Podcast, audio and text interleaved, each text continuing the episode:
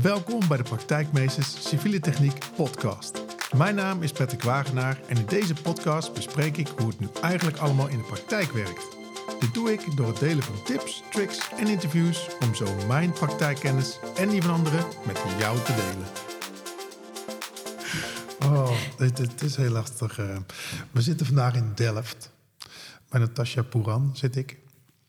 Ehm, mijn stem eh, heeft nog wat last van de jaarwisseling. Ligt overigens niet aan, eh, aan het feestgedrag, maar gewoon eh, wat, wat meer mensen hebben, een soort moment van griepje. Maar ik dacht, eh, ik wil deze podcast toch laten staan. dus ja, Natasja, ik, ik, nou ja, ik zei al, ik ken jou niet supergoed.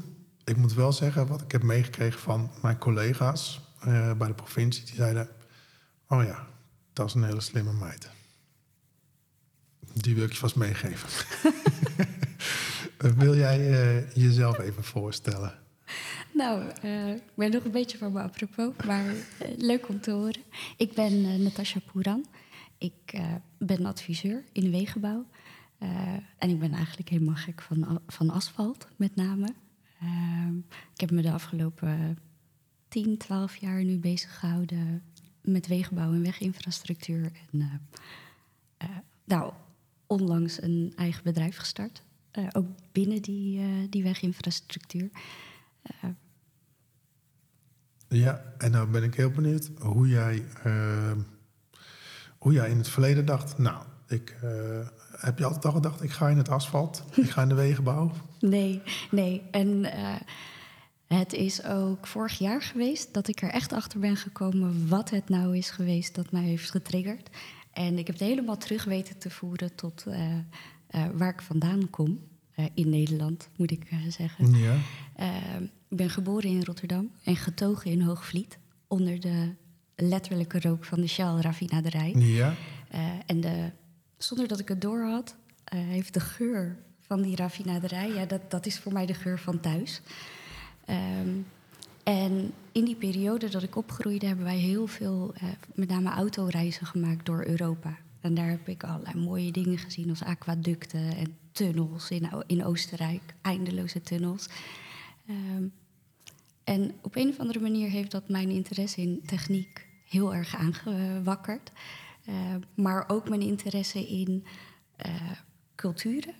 Eh, hoe, gek het misschien ook klinkt, maar, maar civiele techniek was toen ik dus een studiekeuze moest maken voor mij de perfecte combinatie van techniek en eh, een bepaald maatschappelijk belang dienen. Eh, en toen was ik aan het, ik zat in mijn derde jaar. Ik moest een keuze gaan maken voor de masterrichting. En ik ja welke, welke opleiding? civiele techniek Ja. aan de TU Delft. Want dat wist ik wel. Ik wist, ik wil de techniek in, ik wil bouwen. Eh, en het moet op dit moment zo breed mogelijk, want wat ik wil bouwen weet ik niet. Eh, en de civiele techniek, ja goed, dat, dat, dat gaat over alles wat, eh, wat in de gebouwde omgeving van de mens aanwezig is. Weet, Zeker. weet je ook van jezelf waarom je wilde bouwen? Waarom ik wilde bouwen? Nee. Nee. Ik weet dat ik dat gewoon heel graag deed. Ik kan me herinneren dat wij eh, hadden eens een keer een schoolfeest. En dan moest iedereen in het wit. En mijn hele school was echt al dagenlang eh, het winkelcentrum aan het plunderen. En ik ben op een gegeven moment thuis gebleven om een beweegbare brug in elkaar te, te zetten. Ja, maar ik had er zo'n lol in. Ja, het klinkt heel suf, maar ik, ik heb het altijd al leuk gevonden. Geen idee waarom. Ja, voor mij is het om eh, dingen te realiseren. Dingen te realiseren. Ja, dat je, eh, dat je iets achterlaat. Dat je iets maakt vanuit niets. Ja. Ja. ja. Ja, ja dat is. eh, voor mij was het dan misschien niet zozeer het maken uit het niet, maar wel dat als je op die manier bezig bent en je bouwt iets van nul af, dan kom je er echt achter hoe iets werkt. En dat interesseert me wel. Ja. Ik, ik ben echt eh, in die zin, denk ik, ook het meest vervelende kind geweest, wat altijd vroeg: ja, maar waarom dan? En waarom? En hoe zit dat dan? En hoe Ja. zit dat dan? Ja, en op een gegeven moment, eh, mijn moeder is lerares. Eh, dus die had op een gegeven moment ook zoiets van: hier, ga dat, ga dat vooral maar zelf uitzoeken, want dan kom je er het beste achter. hier. Eh, nou, en nieuwsgierig van aard, vooral dat. Ja. TU Delft, zat je in, de, ehm, in dezelfde groep ook als, als Inge of niet? Want het, het was volgens mij een hele club bij elkaar, kreeg van, uh, van Inge van Veelster en Doel. Uh, of haar netwerk is zo, uh, zo gegroeid. want ook ik heb jouw gegevens ook weer via Inge gekregen. Ja. De wegenbouw is in die zin de kleine, is klein. Um, ik ben van net een andere generatie. Um, de, ik zeg vroeger, dus uh, zeg, ik denk tot 10 à 15 jaar voor mij um, waren er relatief grote groepen afstudeerders. Ik ben zelf de laatste afstudeerder van professor Molenaar. Um, en toen ik studeerde waren er twee Nederlandse studenten. Oké. Okay. dus mijn groep was niet zo groot. Uh, we hadden wel een hele grote groep promovendi. En dat, uh, we trok, ja, wij trokken in die zin veel met elkaar op. Uh, dus aan contact geen gebrek. Maar echt heel veel studiegenoten heb ik niet. Oké. Okay. En wat ben je na je studie gaan doen? Toen kwam de keus promoveren of in het diepe springen en de praktijk in. En ik heb toen eigenlijk heel bewust ervoor gekozen om in, ik, ik noem het altijd maar in de praktijk te gaan promoveren. Uh, en ik ben gaan werken. Uh, en, dan, en dan ook heel bewust gaan werken bij uh, de aannemer. omdat op het moment dat ik, laten we zeggen, de markt opkwam, vooral bij de aannemer al het ingewikkelde, interessante en mooie onderzoek werd, werd verricht. En je bij de aannemer, als je dat onderzoek had gedaan, ook nog de mogelijkheid kregen om het dan wellicht in de praktijk te brengen en in de praktijk te leren van wat je in theorie wel of niet uh, goed gedaan had. Dus het was voor mij de perfecte omgeving om mezelf als onderzoeker, adviseur te gaan ontwikkelen. Ja, want dat is, dat is echt de snelste manier om jezelf te ontwikkelen. Ja, uh, dat uh, heb ik denk ik ondervonden. Dat, op een gegeven moment, ik, het kostte me goed twee jaar, twee à drie jaar denk ik, om überhaupt te leren werken. Um, ik heb de podcasts uh, met Greet en, uh, en, Inge ook teruggeluisterd. En ik moest lachen, want een van ze zei van ja, dan kwam je daar en dan hoorde je allerlei afkortingen. En je denkt, waar ben ik in godsnaam beland? We hadden het toch over ja. asfalt. Uh, wat is dit? Um, dus vooral het leren werken. en dat maakt volgens mij niet uit in welke sector je, je dan bent. Dat kost tijd. Ja. en toen kwam ik erachter dat in deze sector de, nou, laten we zeggen, de markt is klein, uh, maar de mensen zijn ook heel kleurrijk. Uh, en dat maakt het eigenlijk nog tien keer leuker. het maakt het ook direct een nog grotere uitdaging om dan je plekje te vinden. Om te begrijpen hoe verhoud ik me tot andere onderzoekers. Hoe verhoudt bijvoorbeeld mijn bedrijf zich tot andere bedrijven. ja, dat, dat was een hele uh, goede leerschool. Laat ja, ik want wa waar had jij je plek gevonden bij de aannemer? Um, ik zat op de kennisafdeling. Um, zoals ik al zei, op een gegeven moment uh, in de tijd kwamen, um, kwam onderzoek en de, de, concentratie van het onderzoek kwam veel bij de aannemers te liggen. En aannemers gingen kennisafdelingen en laboratoria uh, bouwen, ontwikkelen, starten. en ik ben toen bij mensen noemden toen een kleine vechtaannemer uh, bij, bij MNO Vervat destijds uh, gaan werken. En dat ben ik gaan doen omdat mijn voormalig stagebegeleider, Berwig Sluwer, die, ik had stage gelopen bij BAM en ook bij de kennisafdeling. Uh, en dat, dat beviel me zo goed. allemaal leuke mensen ontmoet. Maarten Jacobs, Jan Stichter. Allemaal mensen die, die wisten waar ze het over hadden. En die hadden echt ook wel passie voor dat vak. Ik denk, oh, nou, uh, het klinkt misschien lelijk, maar ik dacht wel van, nou, het is eigenlijk wel leuk om omringd te zijn door vakidioten. Dat, dat, is, daar voel ik me fijn. Uh, en op zo'n kennisafdeling bij een aannemer, dat, daar zit eigenlijk alles wat ik wil. Um, toen ik eenmaal ging werken, waren er wat veranderingen geweest in de, in de sector, zoals eigenlijk altijd wel gebeurt. En bij MNO moest toen een nieuwe kennisafdeling worden gebouwd. Het laboratorium moest worden uitgebreid. Uh, en uh, nou goed, dat, dat moest van uh, bijna nul af aan. En daar lag voor mij daar was voor mij een plekje. Want Berwig die ging daar als nieuwe manager dat hele project trekken. En die was op zoek naar adviseurs, onderzoekers. en dan het liefst ook nou ja, mensen uit mijn generatie, mensen met mijn achtergrond. En voor mij was het een hele mooie uitdaging. Ja. ja. Echt in het diepe springen en gewoon maar zien wat het, wat het gaat worden. Maar dat is, was het bij dezelfde of was dat bij. Heb je toen een stap gemaakt naar Boskalis? Naar Boskalis. Nee, want ik denk. Daar ben ik eigenlijk nooit achter gekomen. Ik, in de periode dat ik uh, in dienst trad bij MNO, heeft Boskalis MNO overgenomen. en nou, dat was in die zin ook een meesterzet heb ik eigenlijk ook heel veel plezier van gehad. Heeft alleen maar ervoor gezorgd dat ik nog meer mooie projecten heb kunnen doen. En daar onder de, nou, uiteindelijk onder de hoede van Boskalis is de kennisafdeling alleen nog groter gegroeid. Nou, en, en konden we dus ook veel meer gaan inspelen op de vraag die uit de markt kwam naar innovaties, duurzame innovaties. En dat maakte voor mij dat uh, waar ik eerst heel erg nog op het onderzoeksvlak zat. Hè? Dus uh, laboratoria inrichten, nadenken over proeven, nadenken over uh, ontwerpen van asfaltmengsels, ontwerpen van constructies. Ja. Um, kwam opeens ook het aspect, nou goed, en nu gaan we die dingen ook versneld toepassen. En nu gaan we ook in de praktijk, als het ware, onderzoeken. En ja, hoe ga je dat doen? Er kwam een hele nieuwe uitdaging bij. En dat, uh, nou, daar kijk ik eigenlijk met heel veel plezier op, op terug. Ja. ja, dat snap ik, ja. Maar wat zijn nou ehm, zaken waarvan je zegt van... goh, dat je, die, die heb ik... Ehm, ja, in, in, het, in het laboratorium leek het goed. In de praktijk dacht ik van... Nou, misschien een paar keer een, uh, dat je je neus hebt gestoten. En je denkt, oh ja, nu weet ik hoe het werkt ten opzichte van de praktijk.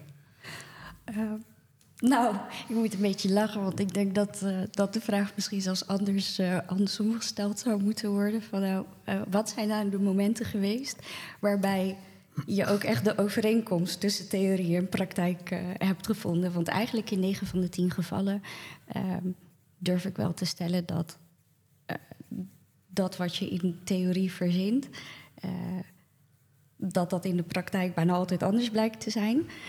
En dat je allebei nodig hebt, ook om te komen tot een oplossing die dan daadwerkelijk werkt. Je kan in theorie nooit alles 100% afdichten.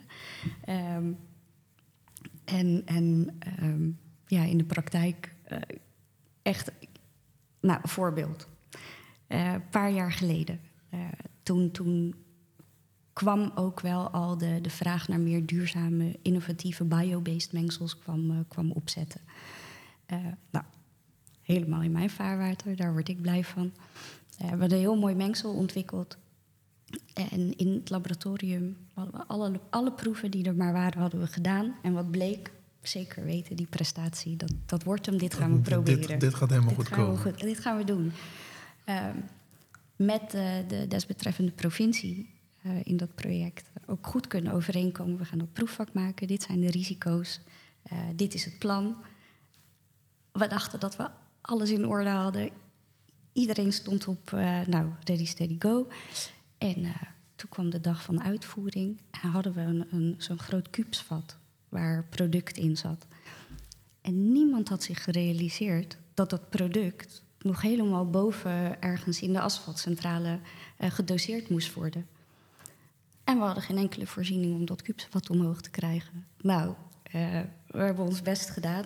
En we dachten van, nou, een beetje provisorisch. Iedereen in de wegenbouw, wat ik zei, iedereen is kleurrijk, maar iedereen is ook creatief. En ja, in zo'n ja. situatie is het echt opeens alle hens aan dek. Heel oplossingsgericht. Dus wij dachten, we hijsen dat vat omhoog. Zo gezegd, zo gedaan. Alles ging goed. En op een gegeven moment uit het niet horen we een grote klap. Echt klap van je welste. En we kijken om.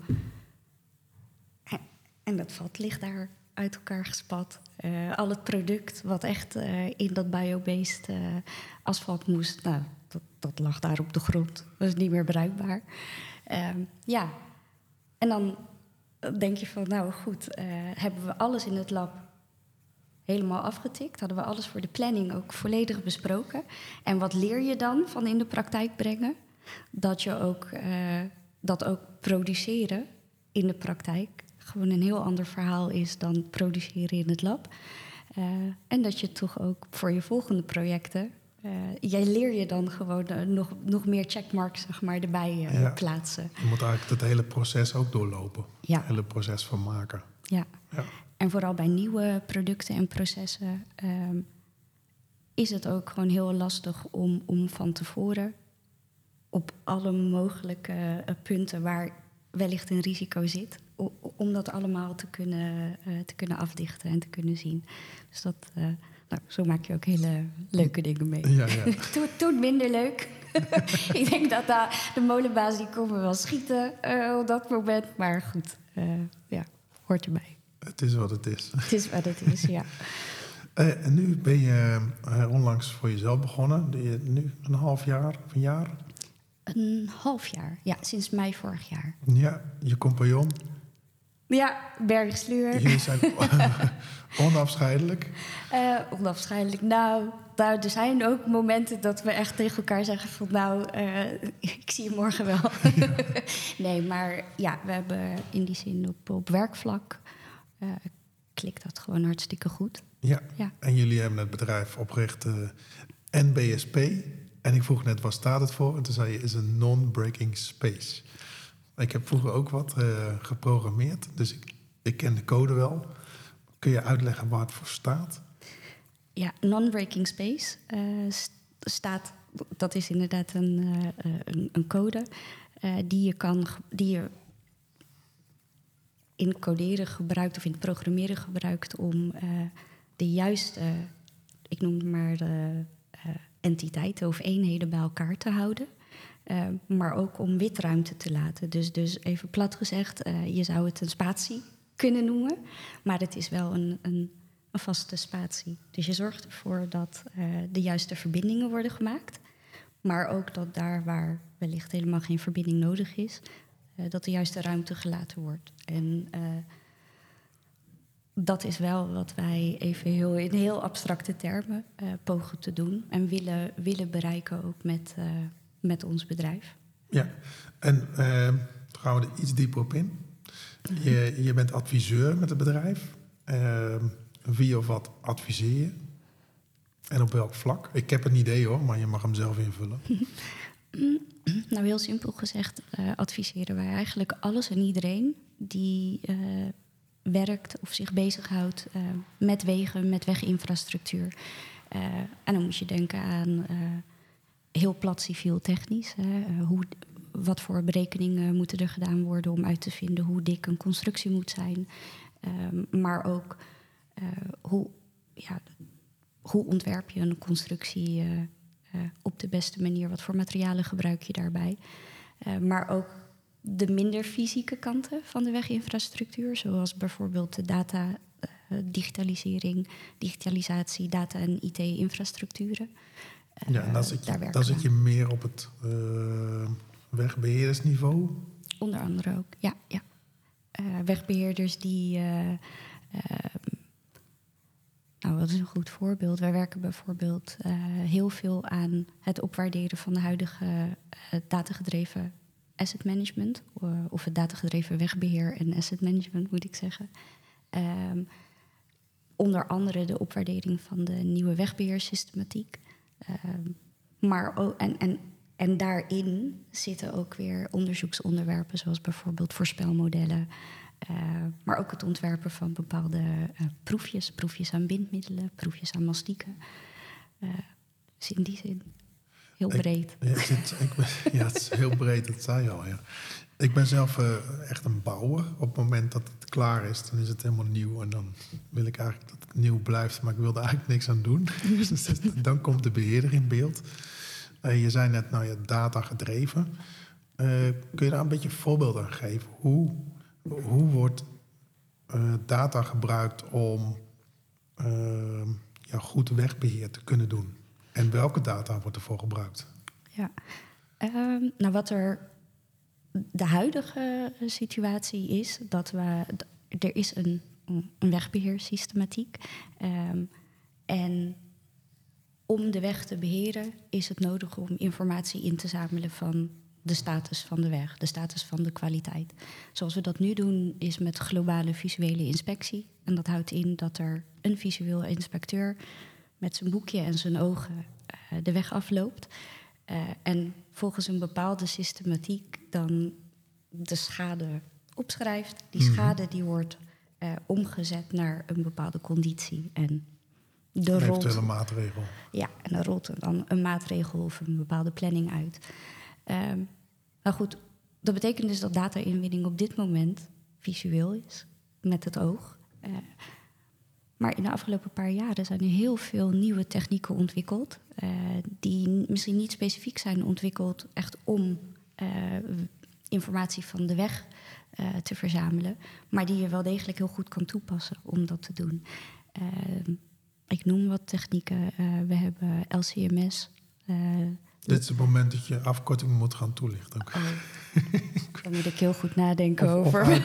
Dan neem ik LCMS terug, want dat moet ik even opzoeken. Of uitleggen. Ehm, nee, maar dat zijn, eh, laat ik het dan anders omschrijven. Er zijn op dit moment eh, heel veel technieken in ontwikkeling en ook al ontwikkeld, waarmee we op een veel nauwkeurigere manier eh, informatie kunnen inzamelen van de daadwerkelijke staat van de weg. Er, we kunnen bijvoorbeeld met laserstralen eh, texturen meten. Eh, we kunnen met HD-camera's veel betere visuele inspecties doen. Eh, veel eh, accurater. Ehm, En sneller neem ik aan, want die zitten gewoon op de auto gemonteerd. die zit op de auto gemonteerd, inderdaad. Het is veel veiliger eh, ook. Dat is ook niet onbelangrijk. Ehm, maar dat zijn allemaal nieuwe vormen van data-inwinning... ehm, die inmiddels beschikbaar zijn... maar die we niet kunnen toepassen. Want onze systematiek die heeft eigenlijk alleen maar plaats... voor globale visuele inspectie. Ehm, En dan, eh, als je dat zegt, de systematiek heeft alleen maar eh, plaats voor die visuele inspectie. Hoe moet ik dat voor me zien? Is dat de systematiek, is dat een, een verouderd IT-programma? of een, eh, een Excel-sheet? Of... Nee, nee zo'n systematiek is eigenlijk een, eh, is ook weer een proces op zich. En ja, dat systeem hangt samen eh, uit verschillende acties.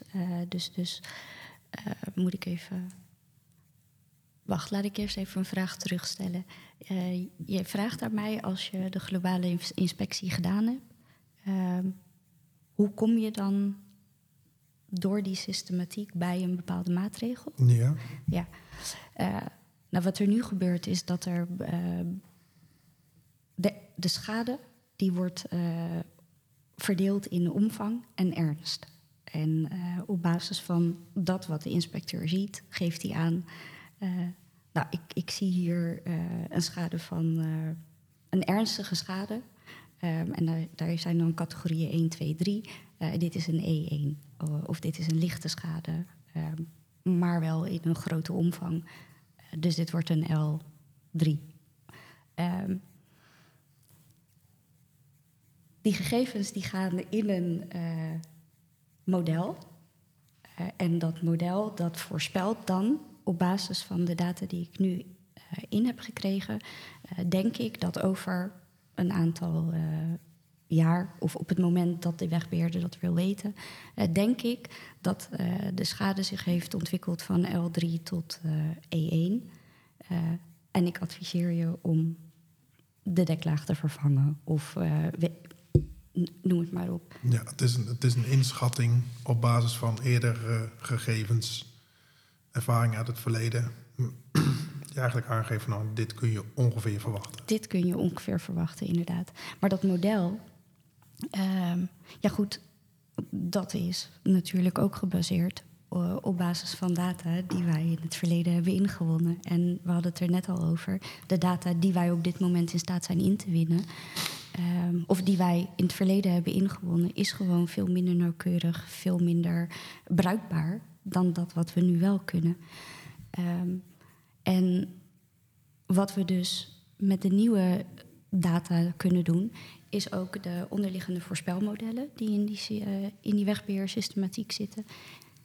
Die kunnen we ook opwaarderen. Die kunnen we uh, beter ontwerpen, beter ontwikkelen, zodat die ook uiteindelijk daadwerkelijk uh, het praktijkgedrag gaan aangeven. Want de modellen die we nu gebruiken en de data die we daarvoor gebruiken, die geven in, ik denk, acht van de tien gevallen helemaal niet de juiste voorspelling. En die ja, voorzien zo dus ook niet in, in duurzaam wegbeheer.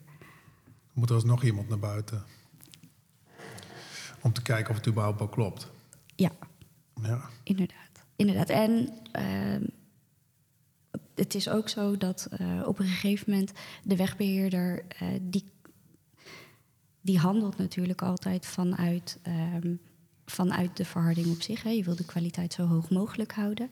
Um, maar die kan ook niet ontkennen dat hij afhankelijk is van alle andere civiel-technische uh, onderhoudscycli die daaromheen gebeuren. Riool bijvoorbeeld is gewoon van heel groot belang ook voor uh, de planning van je, uh, van je wegenonderhoud.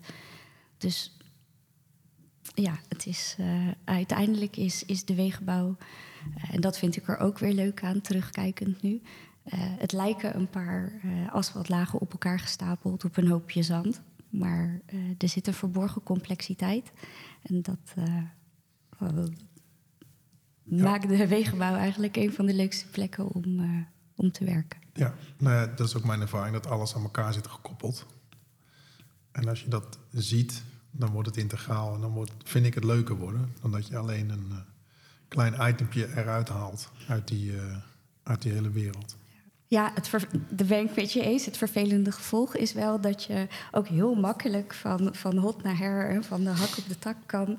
En, en uh, alleen maar op basis van het feit dat eigenlijk alles met alles verbonden is. Uh, maar hoe dat dan allemaal met elkaar verbonden is, ja, daar, uh, ja, daar moeten we met elkaar nog uitzien te komen. Ja. ja. je zei ook van nou, wij adviseren overheden, wegbeheerders. Maar zij we adviseren eigenlijk ook aannemers. En ook, uh, ja, hoe noem je dat? Particuliere organisaties. Ik wou zeggen niet overheden, maar dan kom je bij particuliere organisaties uit. Klopt. En wat doen jullie daar precies in? Um, Welke rol? Kan, nemen we ook verschillende rollen, rollen in. Hangt heel erg af natuurlijk van de behoeften van uh, op dat moment de klant zelf. Uh, voor aannemers, ik kan een aantal voorbeelden geven. Uh, er is een aannemer, dat, wel een buitenlandse aannemer moet ik erbij zeggen. Uh, die is nu ook voornemens om, uh, om de kennisafdeling eigenlijk wat meer body te gaan geven. Het laboratorium moet worden uitgebreid, protocollen moeten worden ingesteld. Dus eigenlijk datgene wat ik in het begin van mijn werkzame leven heb mogen doen, dat, dat zijn wij nu ook voor deze aannemer aan het, aan het inrichten. Um, maar ook in termen van digitalisering en digitalisatie doen we veel. Want um, er is ook een, een belangrijke nadruk komen te liggen op onderzoek tijdens productie en tijdens verwerking. Um, nou goed, daar hebben wij uh, in onze tijd bij de aannemer uh, heel veel onderzoek naar gedaan. Uh, heel veel ervaring mee opgedaan. Nou, we vinden het ook heel belangrijk dat dat doorontwikkeld wordt. Want we hadden het net over de wegbeheerder. De wegbeheerder is een persoon die komt in het spel op het moment dat de weg al goed en klaar is. Uh, om de kwaliteit en de prestatie van die weg echt zo hoog mogelijk te krijgen, zou je het liefst in al die fasen daarvoor op het juiste moment de juiste besluiten nemen. Ja. Nou, en in die procesondersteuning, uh, procesontwikkeling uh, en ook de inrichting daarvan doen wij bij enkele aannemers ook advies- en ondersteuningswerk. Ja, dan doe je dat bij aannemer. Maar aannemer die zit eigenlijk op het moment, uh, nou ja, bij een ROW-contract, dat hij eigenlijk uh, een resultaatsverplichting uh, aangaat. Um, dan heb je dus dat het nog gemaakt moet worden. Maar zit hier, zijn er ook mogelijkheden om nog verder naar voren in het proces te gaan? Uh, dus bij een opdrachtgever aan tafel. Want dan, dan kun je volgens mij nog meer impact maken. Er zijn, er zijn mogelijkheden voor. En daar zijn, ik denk dat er twee hele ja, belangrijke verschillende situaties zijn. Um, adviseer je een opdrachtgever binnen een contractsituatie? Of adviseer je een opdrachtgever ook, uh, nou, laat ik het zeggen, in, uh, in meer algemene zin, niet in een specifieke contractsituatie? Uh, op dit moment is het zo dat wij ons veel meer bezighouden met het laatste, dus niet in de contractsituatie. Ik zeg niet dat dat niet mogelijk is of niet gewenst is. Het is op dit moment gewoon nog niet het geval. Ehm, maar ook de, de opdrachtgevers uh, en met name de overheden hebben hele grote behoefte aan veel meer aansluiting bij de aannemers. De aannemers die in de afgelopen jaren zoveel kennis hebben ontwikkeld, um, waar dat bij de opdrachtgevers, niet vervelend bedoeld, toch echt ja, een beetje is achtergebleven, met name op technisch vlak. daar, daar is gewoon heel veel, heel veel toenadering zeg maar, nog te zoeken. Uh, en nou, ik denk dat wij bij uitstek wel beschikken over dat type kennis. En daar ondersteunen we dus ook nu best wel veel opdrachtgevers graag in. Ja, wil je namen strooien? Nee. nee, ik heb geen toestemming gevraagd van tevoren. Oh, oké. Okay, dus okay. we kunnen ze wel vragen of ze willen reageren. Oh ja, ja. Dat, is een goeie. Dat is een goeie. we hadden het even in het voorgesprek, had je het over uh, uh, eigenlijk zeg maar het onderzoek naar zo'n uh, nieuw mengsel, hè, dus de duurzaamheidstransitie die wordt ingezet. Ehm, en daar kwam, je gaf het zo mooi aan, er kwam een, eh, een TRL-score uit. en toen zei ik, nou die mag je toelichten. Ik heb namelijk ook net een podcast opgenomen met CROE. En die zeiden van nou, het is altijd als doel zeg maar, om te verbeteren. Dus uh, als er een innovatie is gedaan en het is gebleken dat die goed werkt, dan werken we ernaar om dat naar standaard te krijgen, zodat iedereen die innovatie kan gaan toepassen om, om het niveau steeds hoger te krijgen. En toen zei jij, ja, we werken met een TRL. En zei ik, nou, dat ken ik niet. ja, ja. Nee, wij werken uh, inderdaad met de TRL-ladder. Um, die bestaat uit negen treden. En TRL staat daarin voor Technology Readiness Level. Uh, dus even vrij vertaald, uh, de, de, uh, in hoeverre is de ontwikkeling nu, nu ontwikkeld en wat, met welke zekerheid kunnen we iets vinden van risico's en uitdagingen die bij die ontwikkeling of die innovatie horen. Um, en inderdaad, wat, zoals, zoals wij het nu doen, CROE heeft um, die behuist het validatieloket, het asfaltkwaliteitsloket, moet ik, sorry, moet ik het noemen. Um, en zij valideren met name asfaltproducten.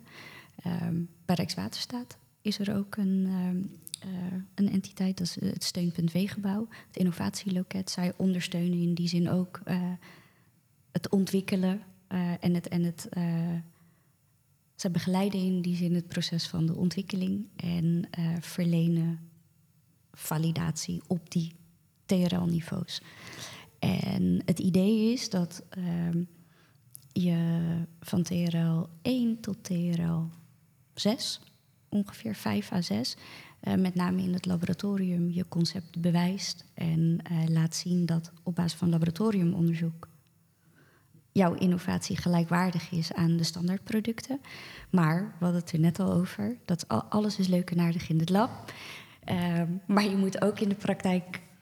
Uh, ja, in theorie is theorie en praktijk hetzelfde, in de praktijk niet. Exact. Ja. ja. En dat is een, zekerheid in het leven. Dus dat is ook wel weer fijn in die zin. Um, maar uh, vanaf TRL 6 tot TRL 9 uh, moet je dan dat wat je in het lab hebt ontwikkeld in de praktijk toepassen. Uh, en doordat je het toepast en doordat het hopelijk succesvol wordt toegepast en blijft liggen, kan je op een gegeven moment op TRL 9 gevalideerd worden. Um, en dat betekent, ja, wij hebben met elkaar op basis van uh, vastgelegd onderzoek bepaald uh, dat het product of je proces uh, minimaal even goed is als de producten en de processen die we nu toepassen.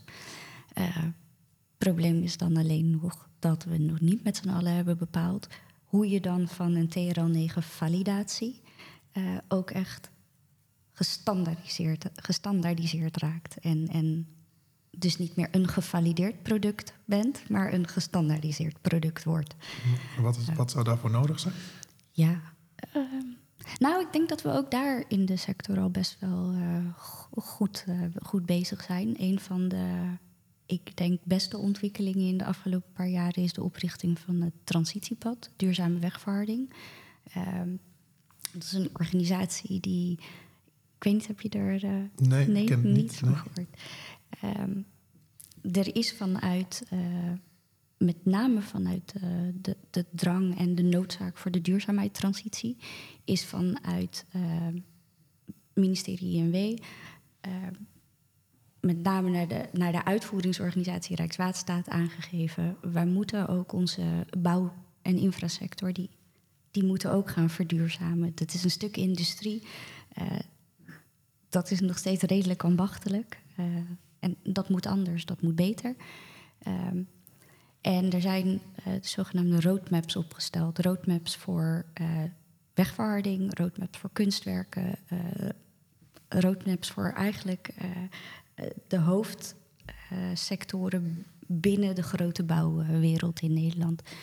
En het Transitiepad Duurzame Wegverharding is de organisatie die die roadmap voor de verduurzaming van de weginfrasector gaat coördineren, gaat regisseren, gaat proberen te sturen. Ehm, en het maakt dus dat eh, de collectiviteit die in de afgelopen paar jaren, of in de afgelopen decennia, mag ik zeggen, toen was ik er nog niet. Ja. Eh, ehm, maar ik hoor heel veel mensen de laatste tijd ook zeggen van, oh, die goede oude tijd, toen we nog eh, de collectieve coördinatiecommissie hadden, of toen we nog. ehm, dat komt allemaal weer een beetje terug. En het krijgt vorm en het krijgt, eh, het krijgt weer plaats, maar wel eh, naar de standaarden van nu. Eh, en ik denk dat dat een eerste goede stap is. Dat we vanuit het collectief nu ook dingen gaan doen die wellicht niet alleen goed zijn om te doen binnen de contractsituatie, maar ook gaan werken aan, aan de dingen die wij als markt- en sectorpartijen nodig hebben buiten de contractsituatie. Ja, heb, je, heb je daar een voorbeeld van? Mm, ja, nou neem bijvoorbeeld eh, data en informatie. Eh, je hoort eigenlijk iedereen tegenwoordig praten over data en we, we moeten digitaliseren en, en we moeten. Ehm, en het is, ja, hoe zal ik dat nou stellen? Ehm, het is in die zin misschien wel makkelijk om te zeggen: we hebben een, eh, een gemeenschappelijk dataplatform nodig, waarbij eh, relevante data voor onderzoekers en opdrachtgevers en aannemers toegankelijk is en beschikbaar is. En, en eh, ja, goed, zijn we het allemaal over eens. Maar om dat te doen, ehm, moeten we bijvoorbeeld ook hele ja, onaantrekkelijke dingen doen, zoals. eh,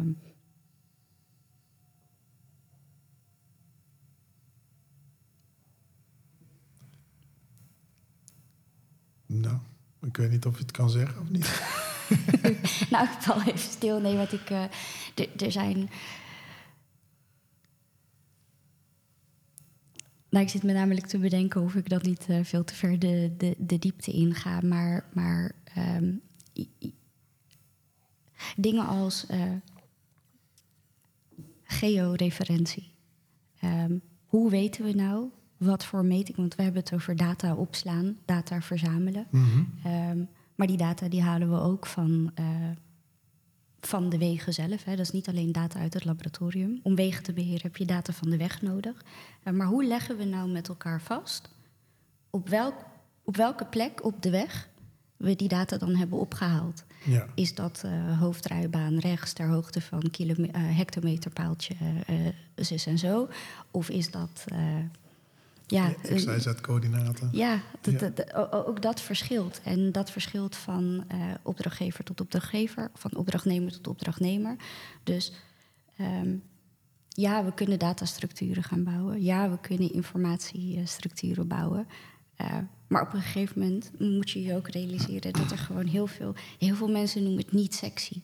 Gewoon allemaal eh, klusjes en, en, en, en, en eh, dingetjes die gedaan moeten worden om überhaupt met elkaar te kunnen gaan praten over de datastructuur. Ja. En zo, ja, dit geldt voor, voor, voor data en informatie, eh, maar zo kunnen we nog wel een tijd doorgaan. Ehm, Sorry, ik heb een kriebelhoest. nou, als jij hoest, dan val ik af en toe stil. en Heffen we elkaar zo op. Ehm, nee, maar, maar zo kan je eh, eigenlijk voor heel veel onderwerpen binnen, binnen ons werkveld eh, de scheiding maken tussen inderdaad eh, de grote behoeften, maar ook het daadwerkelijke werk eh, wat moet worden verricht om die behoeften te kunnen gaan vervullen. En dat zijn doorgaans. ehm, kan je echt wel van bepaalde marktpartijen verwachten dat ze daarin hun eigen verantwoordelijkheid pakken. Maar er is ook een bepaalde collectieve verantwoordelijkheid, waar je echt niet één specifieke organisatie of één specifieke sectorpartij voor kan aanwijzen. Dat moeten we met, met z'n allen doen. Oh ja, sorry. Normaal neem ik alles op in één take, maar ik had zo'n kriebelhoest. Dus ik, heb, eh, toch, ik heb me even op pauze gezet om mijn strepsel te pakken. ja, anders is het voor de luisteraar niet te doen. en Natasja, zijn er nog zaken die we eh, eigenlijk die we nog niet hebben besproken? Of heb je een tip die je wil meegeven aan de, aan de luisteraars? Nou, ik heb het idee dat we hm, binnen de afgelopen 40 minuten was het al. Ja, eh, verrassend snel van eh, eigenlijk over heel veel eh, belangrijke onderwerpen hebben gehad. Eh, wat ik als tip zou kunnen meegeven, eh, is misschien mm, tip, maar ook misschien wel mijn persoonlijke behoefte. Ehm, ik denk dat eh, we hadden het net over de collectiviteit en de collectiviteit die weer meer plaats krijgt eh, binnen dat transitiepad. Ehm, ik denk dat we daar allemaal heel goed aan doen om onszelf ietsje meer ruimte te geven en eh, ietsje meer te accepteren eh, dat wat we ook doen, welk project eh, we ook bij betrokken zijn, hoe groot dat project ook is, dat het belangrijkste is om tot wederzijds begrip te komen. Voordat je ook maar iets gaat doen, iets gaat plannen, iets gaat besluiten. Kom nou met elkaar, neem de tijd, praat met elkaar. Ehm, zorg ervoor dat je echt zeker weet eh, dat je met elkaar het eens bent over eh, het avontuur dat je met elkaar aangaat. Eh, ik denk als je dat doet, eh, en dat klinkt heel zweverig en helemaal niet technisch. ehm, maar ik denk dat dat een van de belangrijkste stappen is die we met elkaar kunnen en moeten gaan zetten in de komende tijd. Ja, nou, dat lijkt me een hele mooie afsluiter. Natasja, ik wil jou enorm bedanken voor je tijd. Kunnen mensen jou, eh, nou, dat kunnen mensen, maar hoe kunnen mensen jou benaderen? Mensen kunnen mij eh, bellen, mailen. Eh, ik ben ook via LinkedIn terugvindbaar. En dat mag over alles wat, wat wegen en weginfrastructuur betreft. Ja, een website? Website, ja, dat is www.nbsp4solutions.nl. Maar als je die nu gaat opzoeken, dan staat er website in ontwikkeling, lancering januari. Dus eh, ik zou zeggen, ga daar vooral vanaf februari kijken. Ehm, mailen mag ook. Uh, Natasja.nbsp4solutions.nl. Oké, Eh, enorm bedankt. Ik vond het heel leuk. Ik heb zelf heel veel van geleerd. Omdat het toch op een vlak zit waar ik eigenlijk ja, niet zoveel kom. Hè. Ik zit meer in de uitvoering. Dus ik vond het heel waardevol. Ik hoop eh, de mensen die thuis luisteren ook. Eh, ik vind het leuk om contact te houden. Dus eh, laten we dat vooral doen. Ja, laten we zeker doen. Ik heb van jou ook heel veel geleerd. Zo'n podcast is toch eh, een vak op zich. Spannend of niet? Eh, spannend, ja, ja, ja. En ik eh, maak me nu eigenlijk al zorgen voor het terugluisteren ervan. Ik weet niet. dat- maar goed, Dat komt helemaal goed. komt helemaal goed. Dat horen we wel als je wordt uitgezonden. Ja, klopt. Dankjewel. Bedankt. Bedankt voor het luisteren naar deze podcast. Wil je nooit meer een aflevering missen? Abonneer je dan in je podcast app. En wil je meer informatie? Kijk dan op www.praktijkmeesters.nl